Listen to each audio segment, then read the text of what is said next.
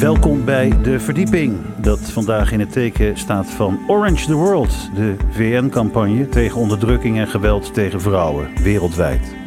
Eén op de drie vrouwen heeft te maken met geweld, psychisch of lichamelijk. Bijna de helft van de vrouwen wereldwijd heeft geen recht op zelfbeschikking. Elke tien dagen sterft er een vrouw als gevolg van huiselijk geweld. Achter deze droge statistieken gaan drama's schuil. Helaas is geweld tegen vrouwen nog niet de wereld uit.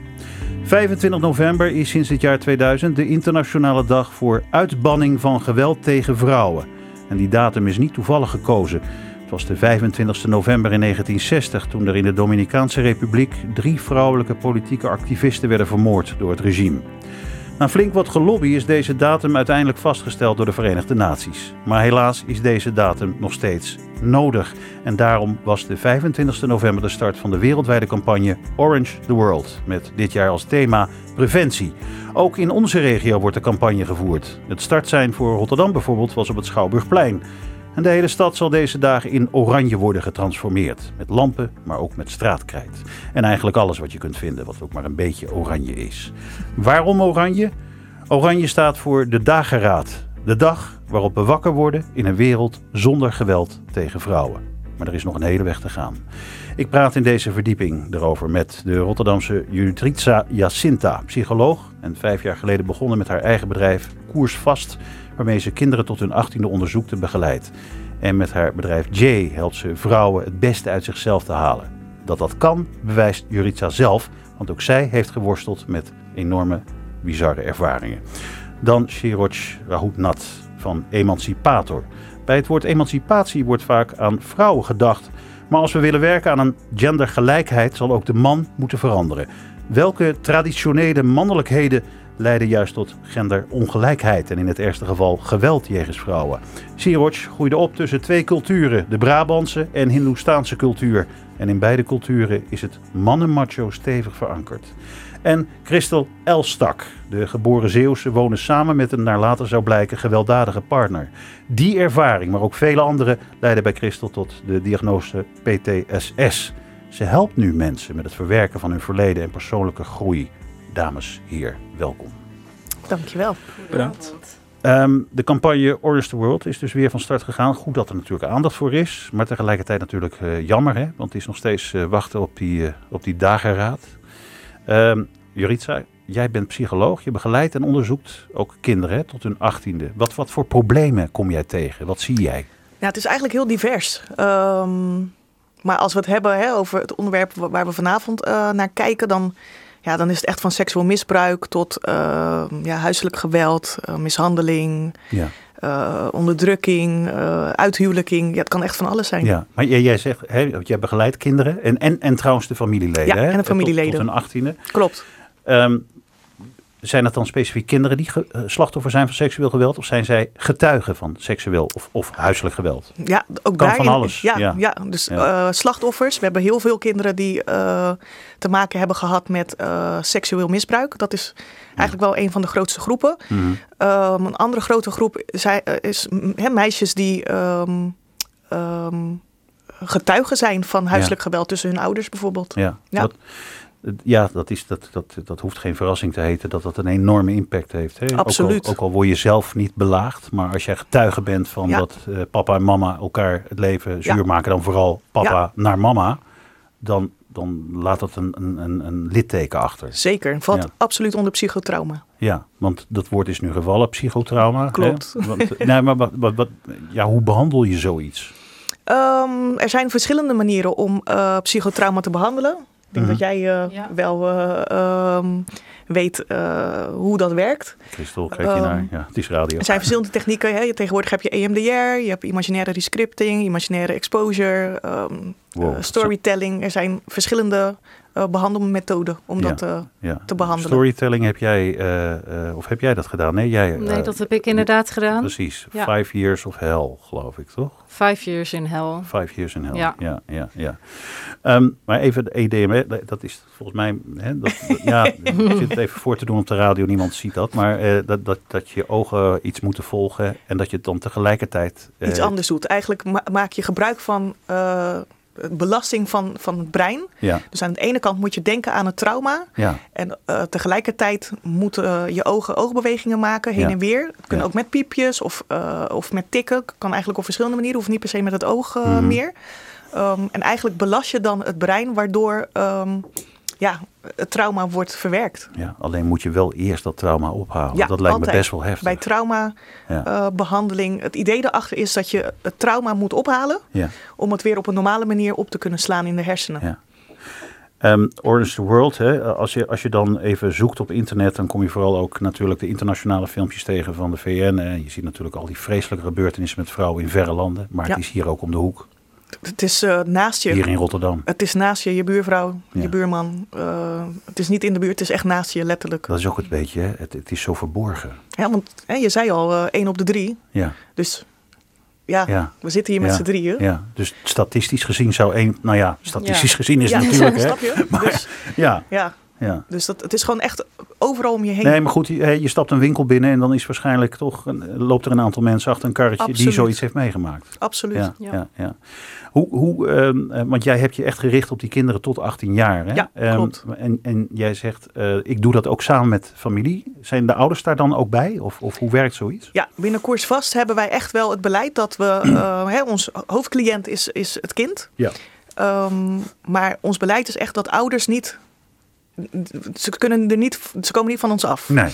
Ehm, hè, want zij voeden hun kinderen op. Wij zijn er maar tijdelijk. Mhm. Dus zij moeten op het moment dat wij weer uit de casus gaan, moeten zij het weer overnemen. Dus Ja. ouderbegeleiding is altijd onderdeel van de behandeling en de begeleiding. Maar die ouders zijn ook onderdeel van misschien het probleem, namelijk geweld. Soms wel, absoluut. Ja. Ja, dat kan. Hoe, hoe gaat zoiets dan in die ruimte waar jullie met z'n allen bij elkaar zitten?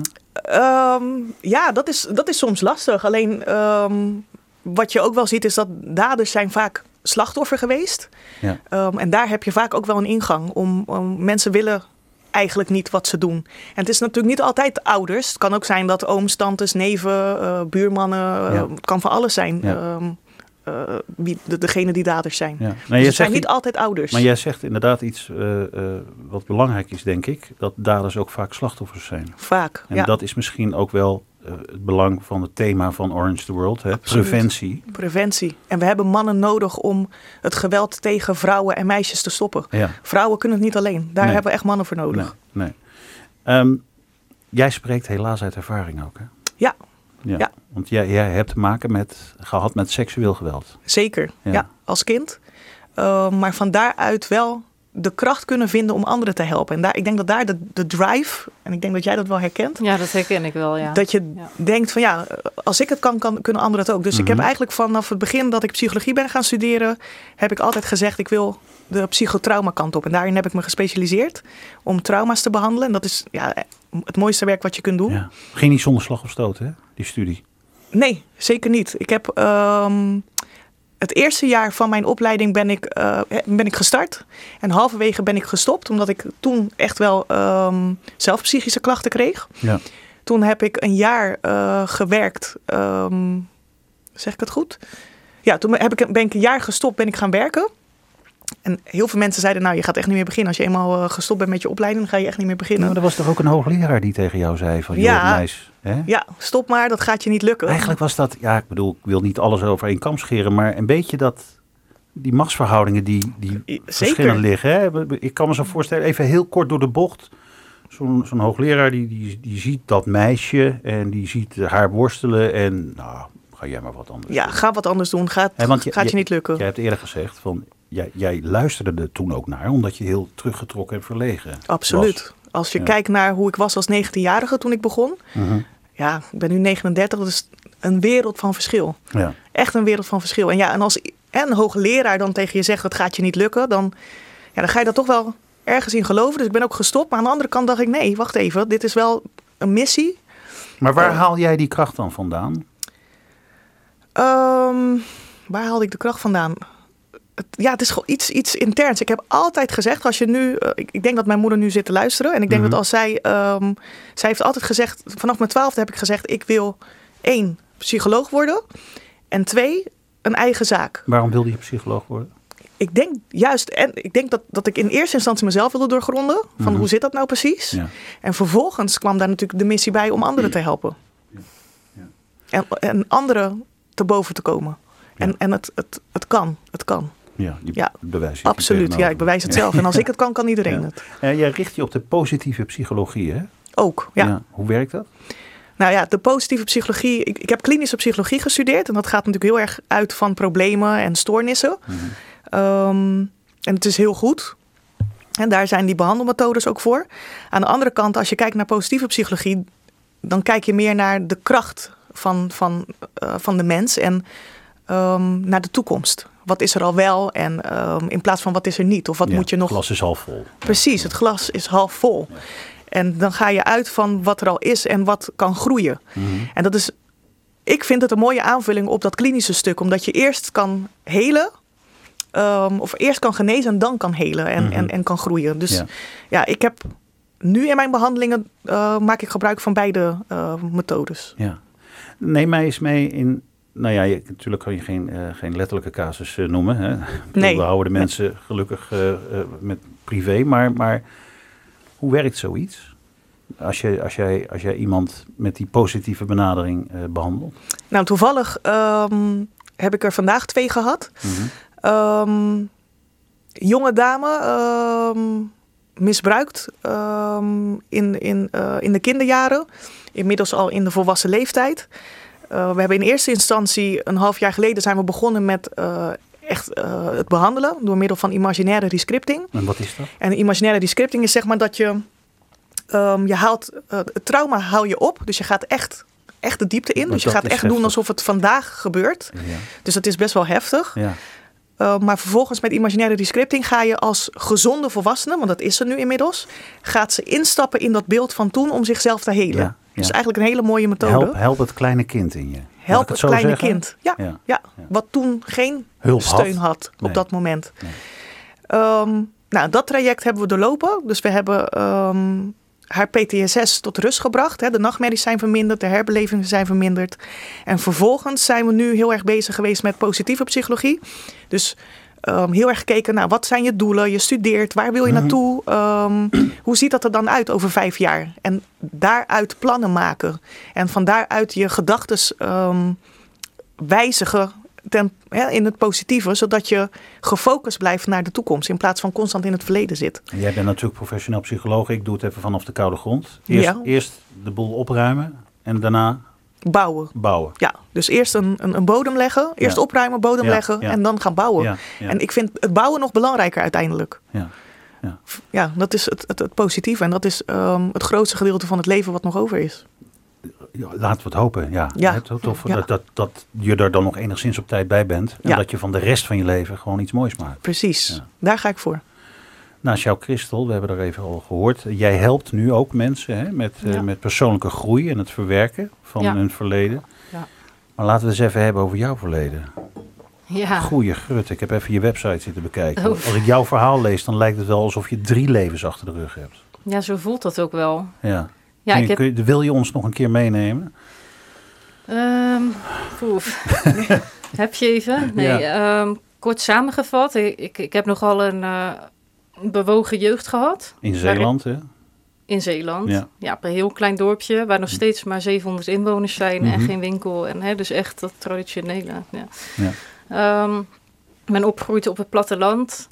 En ja, daar zijn wat dingen gebeurd in mijn kindertijd. Ehm, ja, ik kom ook uit een, uit een familie waarin praten over dingen en emoties delen. Ja, daar was eigenlijk geen ruimte voor. Mhm. Of, of niet zoveel ruimte voor.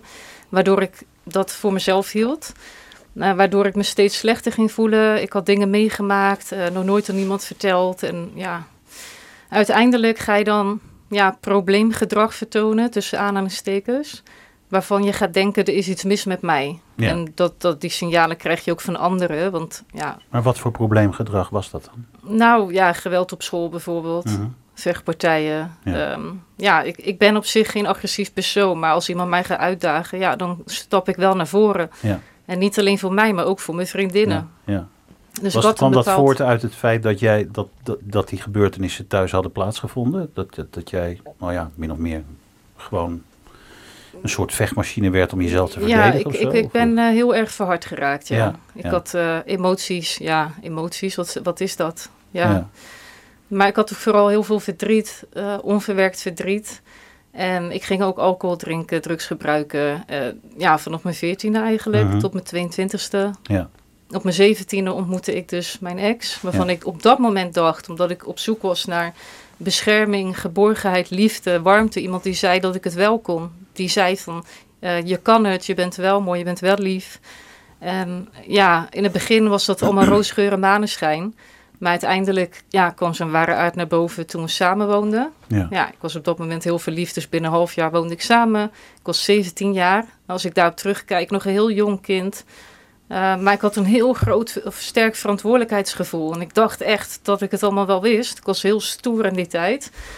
En ja, daar ben ik wel hard op mijn bek gegaan. Ja, want beschouwde is- jij dat samenwonen misschien wel als een soort van, nou oké, ik heb de nodige problemen gehad. Ik ben, eh, nou hè, vechtpartij op school, eh, drugs, dat soort dingen. Nu woon ik samen en nu heb ik de boel op de rit. Ja, Hè, dankzij hem ook, want die vertelde dat je mooi en blond en eh Ja. lief en eh, weet ik veel wat.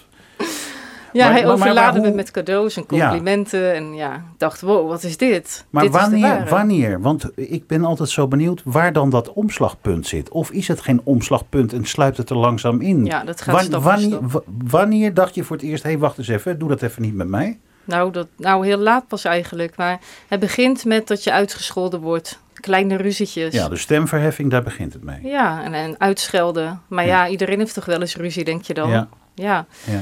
En uiteindelijk wordt dat eh, duwen. En dat wordt duwen en trekken. En het wordt zo hard aan je armen pakken dat zijn vingerafdrukken in mijn armen stonden. Eh, op den deur wordt het, eh, ja, ja ik, in het begin, ik bevroor. Ik dacht, ja, wat gebeurt hier? Ehm, en hij bleef me doorgaan. Hij had echt hele erge woedeaanvallen, maar hij, was ook, had het ook van thuis gezien. Zijn vader pleegde huiselijk geweld en hij heeft twee keer in het blijf van mijn lijfhuis gezeten met zijn moeder. Dader is slachtoffer, hè? Ja, en daar had ik ook heel veel empathie voor. Ik ben een heel zorgzaam persoon. Ik, ben, ik, heb, ik heb een heel lief karakter. In die tijd was ik heel naïef. En ik wilde hem helpen. Dus als hij mij uitschold en hij duwde mij, uh, hij sleurde me door de gangen mijn haren en ik was een K dit en een K dat. En daarna gaat hij aan mijn been hangen, huilen als een kind. Mm -hmm. hij, was, hij, is, hij leeft nog steeds. Hij is bijna twee meter. Nou, ik ben 1,70. Um, maar op dat moment veranderde hij in een klein kind. En was ik de moeder die hem ging troosten. En als hij dan gaat zeggen, ik ga het nooit meer doen. Ik hou zoveel van jou. Je bent alles voor me. Zonder jou ben ik niks meer. Als je nu weggaat, pleeg ik zelfmoord. Dat is emotionele chantage, noemen ze ja, dat. Ja, manipulatie, emotionele ja. chantage. Ja, welke sticker je erop wil plakken. Ja. Maar het punt is natuurlijk wel... Dat is wel die kerel die, waar jij verliefd op bent geraakt ooit. Ja. En degene die ook tegen jou, na een hele heftige periode... Uh, jou uh, allerlei lieve woorden heeft toe, toe bedicht en, en, en ook tegen jou gezegd heeft dat je de moeite bent. Ja. En precies die persoon wordt de agressor. Ja, dat, dat is niet te bevatten. En ik was er heel goed voor hem. Maar ja, het is, ik was ook naïef. Ik was goed gelovig. Kijk, als hij zegt, ik ga veranderen, ik ga het nooit meer doen, denk je, nou, dan houdt het hierbij op. Maar het gebeurt toch nu steeds vaker. En op den duur een paar keer per week, dan uh, vliegen de spullen om je oren en alle deuren waren ingetrapt of ingeslagen. Ja, zelfs een keer mijn hond bo boven de bokkel gehouden. Als je nu weggaat, laat ik hem los. Het zijn hele zwaar psychische spelletjes. Maar ik zag posters in bushokjes van vrouwen met uh, een blauw oog en een bloedlip. Uh, ja, ik associeerde mij totaal niet met een slachtoffer huiselijk geweld. Terwijl er wel zijn nagels in je arm had staan, toch?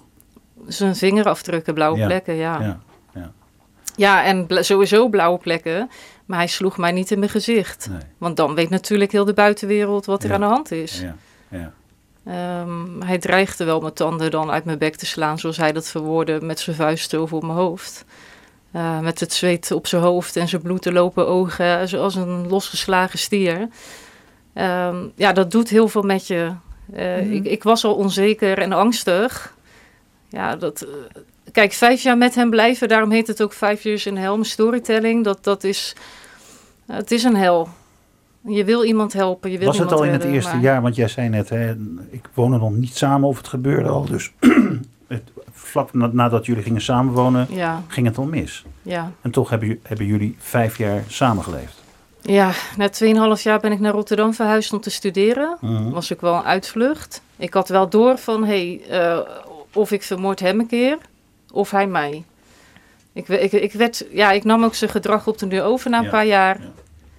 Eh, toen ben ik naar Rotterdam verhuisd, maar dan was ik niet van hem af, want eh, ja, hij stond ook onaangekondigd ineens in mijn huis. En dan in de weekenden ging ik naar Zeeland en dan nam ik steeds wat persoonlijke spullen mee ieder weekend. En zo ben ik van hem afgebouwd eigenlijk. Ja. Want één, één, zeg maar, eh, gewoon weggaan ging niet. Hij liet me niet gaan. Hij ging me stalken. Hij, hij achtervolgde me. Hij- ja. Ja. Was echt heftig. Ja.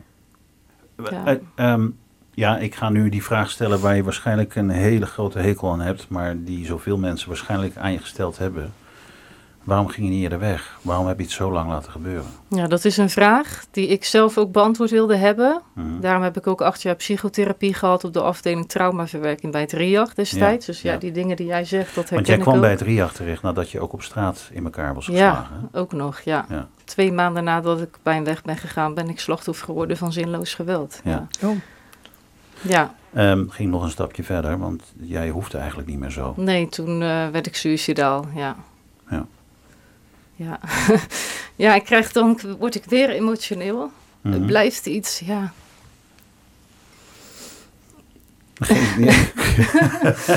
Neem een slokje thee. Ja, laat ik dat eens doen. Ja, Ja, kijk, neem het is gewoon een slokje thee. het is ook niet erg, want ik bedoel, nu zit ik gewoon... Ik voel me ook een beetje schuldig dat ik het nu weer bij je terughaal. Ehm, maar ik ben... Ja, dat maakt niet uit. Nee, ik ben, ik ben, ik ben, eh, eh, eh, op een gegeven moment is PTSS bij jou geconstateerd. Hè? Het is gewoon een posttraumatisch stresssyndroom. Ja, Als je nu zo terugkijkt, hè, want ehm, laten we ook inderdaad met die positieve psychologie, eh, laten we dat vooral in ons achterhoofd houden. Jij helpt nu ja. vrouwen. Laten we dat even boven, eh, Ja. boven alles stellen. Ja? Ja. Het, gaat, het, het gaat goed met jouw huidige partner. Ja, heel goed. Ik- eh, daarom, ik wil ook een inspiratie zijn. Van als je, ik was 22, ik ben nu 7, bijna 38.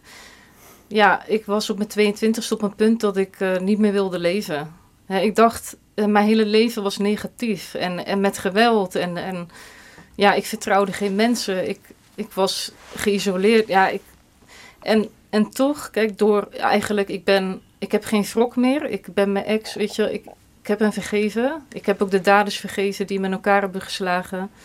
Eh, want dankzij die daders ben ik in contact gekomen met slachtofferhulp. En zij hebben mij naar het RIA gestuurd. En daarom zit ik hier. Ja, Kan ik nu degene zijn die ik nodig had in die tijd. Heel Ja. mooi. ja, ja. Ja. Ja. en zo probeer ik van iets negatiefs iets positiefs te maken. Ja. En doe ik ook. Maar om terug te komen op je vraag, hè, waarom blijf je bij zo iemand? Dat heeft een paar factoren. Dat is ehm, angst, dat is macht die diegene over jou heeft. En ja, goed, goed van vertrouwen. Ook iets van herkenbaarheid van uit je jeugd. Ja, wij, konden, wij waren Bonnie en Clyde inderdaad wat dat onderwerp betreft. Eh, dus je hebt ook wel heel veel aan elkaar. Ja, het is een, een achtbaan. Hè? Je hebt eh, hoge pieken, diepe dalen. De Maar daar dag zit denk ik het venijn dat er dus ook heel veel overeenkomsten zijn. en goede momenten. En goede momenten, dat het dus allemaal door eh, ettert. Toch? Ja. Als ik het zo je mag blijft me proberen, je blijft Ja. me proberen. Ja. Ja. Hoe langer je in zo'n relatie zit, dat wil ik ook. Misschien luisteren de vrouwen die in zo'n situatie zitten, of meiden. Hoe langer je daarin blijft, hoe langer je nodig zou hebben om te herstellen. Mhm. Ik was mezelf kwijt. Het, Ja. Ik ben nu weer een sterke vrouw en ik help nu andere Ik vrouwen. zou zeggen, je hebt, eh, je hebt eh, Ja. het bedrijf Mindset Motivation. Ja, Ja. Ja de, ik coach vrouwen online, ook in Ja. verband met de maatregelen. En eh, jonge meiden, maar ook vrouwen van 50. Hè, dat is verschillend. En daar put ik heel veel positieve energie uit. ja. En hierover praten, het is een stukje herbeleving, ik word ook emotioneel. Maar Ja. dit is gewoon wat het met je doet. Ik, Ja. ja. Het is Het gewoon mag er zijn, is. toch? Ja, Het mag er zijn. Ja. Dat is Ja. ook iets wat ik heb moeten leren. Ja. Van emoties horen bij het mens zijn. Ja, en dat is juist wat PTSS in de hand werkt. Als je het niet laat zijn, de Mhm. emoties er niet laat zijn. Op het moment dat je gaat onderdrukken, dan moet het moet ergens eruit. Ja. Dus dan komt het eruit in nachtmerries of in De herbelevingen. mens is natuurlijk wel Ja. geneigd om een doosje dicht te doen. Ja. Hè, dit, dit zijn de vervelende ervaringen of de traumatische ervaringen. Laten we het doosje vooral dicht doen Ja. en er Ja. niet meer naar kijken. Maar ehm, Dat nou ja, geeft bij jou juist ge- gedoe. Bij jou gebeurde dat toen jij eh, eh, die studie ging doen. Ja. En daarna pas eigenlijk toch die terugval kreeg. Ja. Want het heeft altijd in je kop gezeten. Absoluut. Dus je moet er een keer, je, moet, je zal er toch iets mee Ja. moeten. Ja. Anders blijft het je achtervolgen. Ja. Siroj, Goedenavond. Ja, nogmaals welkom. Ja, laten we eens even het perspectief belichten van de man. Uh, ja. ja. meestal toch de, de agressor. Uh, jij werkt bij, bij Emancipator. Wat is dat voor, uh, voor bedrijf, organisatie? Ja, dat klopt. Um, Emancipator, dat is een maatschappelijke organisatie. En uh, wij focussen op uh, de gelijkwaardigheid tussen de man en de vrouw. Gendergelijkheid. Gendergelijkheid inderdaad. En wij zijn de enige organisatie hier in Nederland die specifiek richt op de mannen en de jongens. Ja. Omdat als we gelijkwaardigheid willen bereiken, dan moeten we eigenlijk ook ons richten op uh, ja, deze doelgroep. Ja, want, want jij wil, of Emancipator wil mannen bewust laten worden van hun mannelijkheid. Ja, wat, wat moet ik daar, waar moet ik dan aan denken?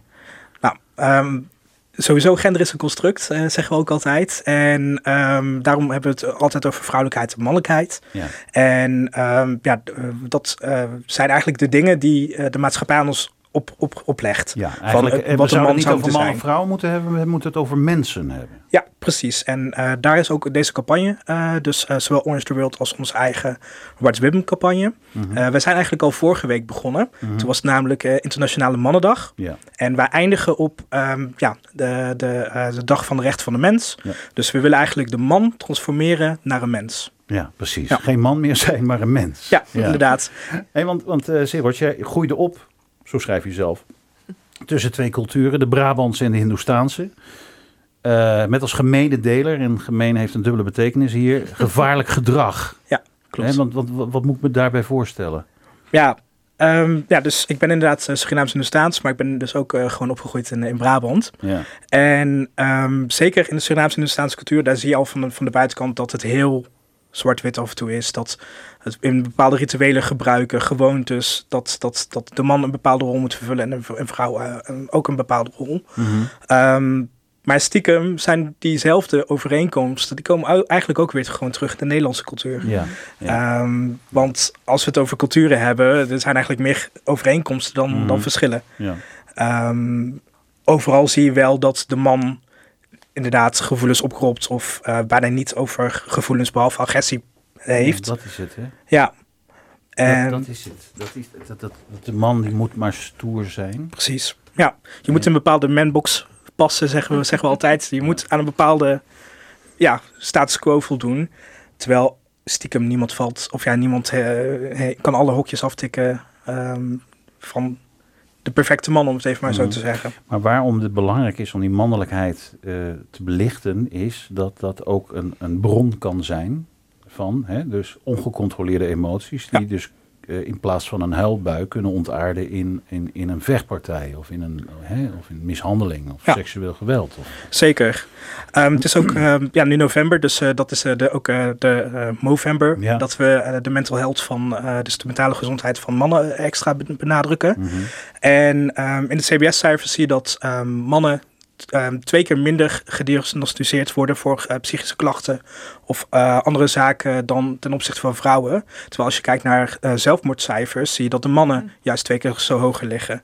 Dan, maar wil je daar ja. dan mee zeggen dat, dat die mannen wel degelijk natuurlijk, ja, het is eigenlijk een open deur wat ik nu intrap, uh, psychische problemen hebben, maar uh, dusdanig veel blokkades hebben Hè, uit stoerheid misschien of uit mannelijkheid, dat ze niet de weg weten te vinden naar de psycholoog of de psychiater? Ja, natuurlijk. Um, mannen zijn van nature eigenlijk zorgmeiders. Um, ze kloppen pas aan bij de huisarts of bij de psycholoog als wanneer het te laat is. Ja. Um, ze, ze, ze, ze, zoeken niet eerder hulp omdat ze denk, dan denken, ja, ik, ik, dat, ik ben een man, ik kan het zelf wel oplossen. Mm -hmm. dan, ik ga niet iemand anders om hulp vragen, want dan verlies ik tussen aanhalingstekens een stukje van mijn mannelijkheid. Ja. Ja. Uh, uh, wat voor mannen kom je tegen in je praktijk eigenlijk? Of waar, met, met wat voor mannen krijgen jullie te maken? Ja, uh, wij organiseren training, workshops en ook weekenden. Mhm. Um, om ja, meer hier over het onderwerp mannelijkheid te hebben. Ja. de mensen die meegaan op ons trainingweekend, die hebben zich al wat meer ingelezen. dus ja, um, maar zijn dat mannen die uit zichzelf jullie... Ja, ja maar, maar daar moet een reden voor zijn. -hmm. Je komt niet zomaar bij Emancipator terecht. Wat, wat, nee. wat, wat is hun verhaal dan? Ja, um, doordat ze zelf inderdaad iets uh, in hun eigen omgeving hebben meegemaakt. Um, doordat ze om, soms ook zelf uh, inderdaad slachtoffer zijn geweest van huishoudelijk geweld. Of dat ze juist uh, zoiets hebben, dat, ja, dat ze iets zagen in hun eigen omgeving van... hé, hey, dit kan niet. Of um, ja, ik wil hier eigenlijk uh, aan werken. Of uh, mensen met, uh, ja, die actief, actief zijn bijvoorbeeld in de politiek. Mhm. Of die zelf de social work studie doen of psychologie studeren. Dus wel mensen die al een beetje met het thema bezig zijn. Dat wel vaak. Ja. Echter, we geven ook trainingen en workshops aan scholieren. En dan merk je dus echt wel dat er een heel ander verschil is. Dat ja, uh, zeker scholieren, die, die, die, zitten gewoon in de klaslokaal en die moeten verplicht naar de les. Uh, een workshop bij ons volgen. en dan merk je af en toe wel van, oh ja, ik heb er eigenlijk nooit over nagedacht. En al mijn vrienden zitten hier in het klaslokaal. Ik ga hier echt, ja, hoe dat, ik wil hier stoer blijven doen, maar eigenlijk raakt het toch mij, of weet je wel, je ziet af en toe wel dat we zo aan het denken zetten. Maar je zegt wel iets interessants namelijk, van zou dit, zou dit niet meer in het onderwijs moeten worden opgenomen? Nee, zeker. We leren van alles. Ja. Al die, Behalve dat geta- stuk, al- ja. al die getallen eh, in zoveel eh, werd uh, Brille, dat ben ik allemaal vergeten. Ja. Maar net zoals dat je bijvoorbeeld handvaardigheid hebt, misschien ook gewoon een, een les in, in respect en, en Ja. Grenzen Mens stellen. zijn. Zeker. Ja, mens zijn, emoties, grenzen Ja. stellen. Ja. Heel vaak ehm, benaderen maatschappijleraren ons. Mhm. Ehm, omdat dat een natuurlijke ehm, route is. ja.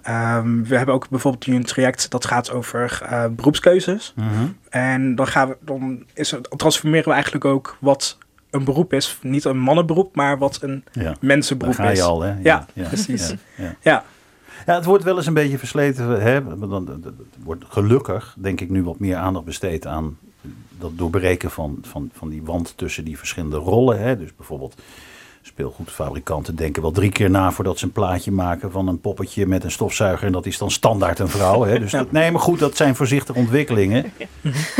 Maar er is nog een hoop te winnen volgens Zo. mij. ja zeker inderdaad. Ehm, als we gewoon iedereen als mens zouden behandelen, dat iedereen gewoon kan praten over hun emoties. Of dat iedereen gewoon inderdaad gewoon naar een psycholoog kan, kan gaan. Of, ehm, of ehm, vaak hoor je wel van, eh, tenminste ehm, mannen in mijn vriendengroep, dat in op één kan ik gewoon een heel goed gesprek hier over emoties of wat dan hoe ook hebben. reageert jouw omgeving als Ja. jij vertelt wat jij doet? Ehm, ja, ze, ze, ze, ze supporten me allemaal wel, gelukkig. Mhm. Alleen, ja, soms is het wel van, oh ja, daar gaan we weer. Of eh, heb je alweer over bepaalde termen. Of eh, het spectrum wordt eh, vaak als grapje gebruikt, omdat Mhm. ik zeg dat alles een spectrum is. Mhm. Maar ja, heel vaak zeggen ze, eh, of ja, het begint als een grapje, maar later komen ze dan wel op terug van, oh ja, wacht.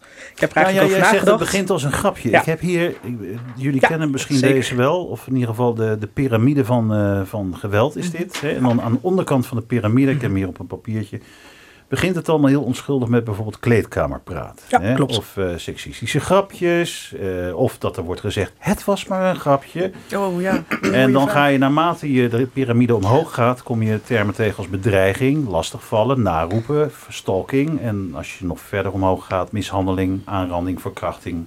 Ja. Om uiteindelijk bij moord uit te komen. Correct. Eigenlijk dat fundament van het was maar een grapje, kleedkamerpraat. ehm, ja, oh, ja, wat, je, wat, wat, wat voor watje ben je? Dat is eigenlijk het fundament van, ehm, ja, waar, waar eigenlijk al dit soort geweld eh, vandaan komt, waar het allemaal op ge- gebaseerd is. Want als we dit gaan normaliseren, dan is de stap inderdaad naar iemand nafluiten, naroepen, Ja, dat is heel laag. heel, Ja. heel laag inderdaad. En Ja. dat, dan is het echt gewoon een slippery, Ja. een slippery Ja. slope. Mhm. Ehm, eh, Orange the World heeft een aantal, ehm, nou ja, taglines vind ik een heel lelijk woord, maar bijvoorbeeld eh, een van, van, die, van, die, van die zinnen is stop met jouw agressie tegen mij. Eh, is jouw geweld tegen mij stoer of juist zielig? Nou, dan zit ik gelijk weer naar Emancipator te kijken. Niet naar jou, maar naar Emancipator te kijken. Hè? Ja. Ehm, of ik vind jou veel leuker als je aardig bent. Tel tot tien en denk na. Agressie en intimidatie lossen niets op. Nee, precies. En ehm, ja, ook uit de cijfers blijkt dat ehm, van gendergerelateerd geweld, dus geweld richting vrouwen, dat 9 van de 10 daders ehm, zijn mannen. Mhm. Echter, gelukkig zijn niet alle mannen daders. Dus eh, daar, ehm, daar richten wij op, ons vooral op. Om de mensen eromheen, dus alle meestanders, gewoon te zeggen van. Al bij dat fundament van hey, het is maar een grapje. Om dan te zeggen nee, het is geen grapje. Dit is gewoon niet leuk. Nee. Mooi. Nou, Dat ik hebben we vraag- nodig. Ja, nee, ik vraag het ook even aan, ju- aan jullie inderdaad. Want het zijn allemaal van die kleine dingetjes. Hè? En je wordt al heel snel weggezet als... eh, oh, wat een overdreven reactie. Of, eh, oh, Ja, zo had ik het niet bedoeld. zo had ik het maar zo heb ik het wel bedoeld. gezegd. Ja. Ja. Maar, maar ik, zei, ik zei net al tegen jou, hè, er is nog een hele lange weg te gaan. Want, wat, eh, nou ja, goed, eh, eh, eh, Orange the World is helaas en tegelijkertijd ook goed dat het Ja. weer is, is, is begonnen. Wat zou er nou moeten gebeuren om, om deze ellende for once and for all een halt toe te roepen? Ja, ik zie jou al zuchten. Ja. Nou ja, het begint bij zulke gesprekken. Ja. Ehm, het begint bij hè, op school, denk Mhm. ik, dat daar moet echt een slag gemaakt worden. Want Ja. daar, daar, daar, daar leer je het van jongs af aan. Het moet er vanaf jongs af aan ingesleten worden. Ja. Ja, als je nu ziet eh, wat er op social media gebeurt met hele jonge kinderen al... die eh, op social media van alles eh, gooien. Ja. Ja, daar moeten we iets mee als maatschappij. Maar moet, moet, ja, de maatschappij moet er iets mee. Maar Ja. zou er iets politiek ook mee moeten gebeuren? Ja, eh, zeker. Ehm, het is eigenlijk heel frappant dat onze demissionaire premier Mark Rutte het wel bij de Verenigde Naties het over femicide heeft gehad, maar nog nooit echt hier in de landelijke media. Femicide is, eh, ja, helaas, Ja. dat woord, hè, homicide, ja, het, Ja. het is moord. Mhm, Alleen maar omdat je vrouw bent. precies. En het is wel in de VN besproken, Wel maar niet de hier in ons eigen land. Terwijl, eh, ja, zoals al eerder in de intro gezegd werd, om de tien dagen sterft er hier een vrouw vanwege huishoudelijk geweld. Ja. En ja, het is eigenlijk gewoon eh, ook een, een epidemie waar we nu middenin zitten. Mhm. Ja. En ehm, daar moeten we inderdaad eh, ja, meer aandacht voor hebben. Eh, gelukkig eh, Veilig Thuis eh, is ook eh, en ehm, Ja, want de gemeente, Ja. Mhm. hè, in dit geval Rotterdam, waar we nu zitten, die, die, hè, gelukkig zijn er heel veel gemeentes die dit, dit omarmen en ook echt actief meedoen. In zichzelf ook een opdracht hebben gesteld om, om hier actief iets mee te doen. ja, precies. Ja. Maar het is natuurlijk belachelijk dat de vrouw een app op haar telefoon moet hebben die ze kan gebruiken als het niet pluis is. Ja. Terwijl ik als kerel. Daar, daar hoef je niet helemaal niet over Ik, na te nee, denken. maar dat zit, ik me nu te, dat zit ik me nu te bedenken. Dat, dat als, als mijn vriendin, nou ja, die belt mij als ze van de metro naar huis loopt. En bewust hangen we dan even aan de lijn, Ja. want je weet maar nooit. Maar als jij naar huis loopt, Ik heb. ik- nee, maar dat is misschien wel. eh, eigenlijk zou elke man het gewoon die om, angst om- moeten voelen. Ja. Ja, ik zit jullie niet naar de mond te praten. Ik probeer echt gewoon me voor te stellen hoe dat is om, om dat onheimische gevoel te hebben als je in je eentje op straat loopt. En dan hebben we het niet over twee uur s'nachts, maar over negen uur s'avonds. Ja, of nu. Of Zometeen eh, Ja, Ja. ja, moeten wij naar onze auto's lopen. Ja. En dan ga je toch even Ja, om je heen kijken. Dat Ja. doe je gewoon echt wel. ja, Klopt. ja. Ja. Is, er, is er nog wat te winnen in de geestelijke gezondheidszorg? Op Ja. welke manier? Nou ja, er is natuurlijk ongelooflijk veel bezuinigd. eh, Ik bedoel, de afgelopen jaren. Helaas wel, ja. En Ja. dat zie je heel erg terug eh, in de geestelijke gezondheidszorg. Veel wachtlijsten. Ehm, en niet alleen eh, door bezuiniging hoor. Ik bedoel, er is gewoon te weinig personeel ook. Ja, Maar er is gewoon echt een heel groot probleem op, op, eh, op geestelijk vlak op dit Ja. moment. Er, Ja. er is gewoon te veel vraag. Ja. Dus op, het op die preventieve kant, daar moeten we iets mee met Ja. elkaar. Zometeen krijgen we de volgende persconferentie. Dan komt er weer een strenge lockdown. We hebben natuurlijk de cijfers van huiselijk geweld ook omhoog zien gaan hè, tijdens die, eh, tijdens die coronalockdown. Dat is natuurlijk super triest. Ja. Wat kunnen we nou doen om dit zichtbaarder te maken? Over praten. Ja, Dat is vooral heel belangrijk. Hè? Dat er over gepraat wordt, zodat we die mensen kunnen bereiken die daar nu in zitten. mhm. En, en ook als je daaruit bent, dan denk je zo, nu is het probleem weg. Maar dan val je juist in een gat. Ja. Want dan wordt er niet meer aan jou getrokken de hele dag. En waar ben je, met wie en wat doe je, hoe laat komt... Ja, dat... En dan komt en dan pas... begint het pas. ja, precies. Ja. Ja, ja. En voor mij kwam hulp op tijd. Ja. Maar had ook anders kunnen aflopen. Mhm. Dus ik denk, eh, daarom praat ik hier ook over. Ondanks dat het voor mij niet zo prettig is, hè, vanwege die emoties en herbeleving. Maar ja, de big picture, dat, dat is gewoon zo belangrijk. Ja. Hoe meer vrouwen hierover gaan praten, ook op scholen. Ik wil best op middelbare scholen gaan praten.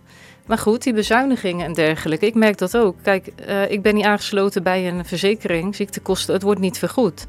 En ik help veel vrouwen met positieve resultaten. Maar sommige vrouwen die willen hulp, maar kunnen het niet betalen. Ja.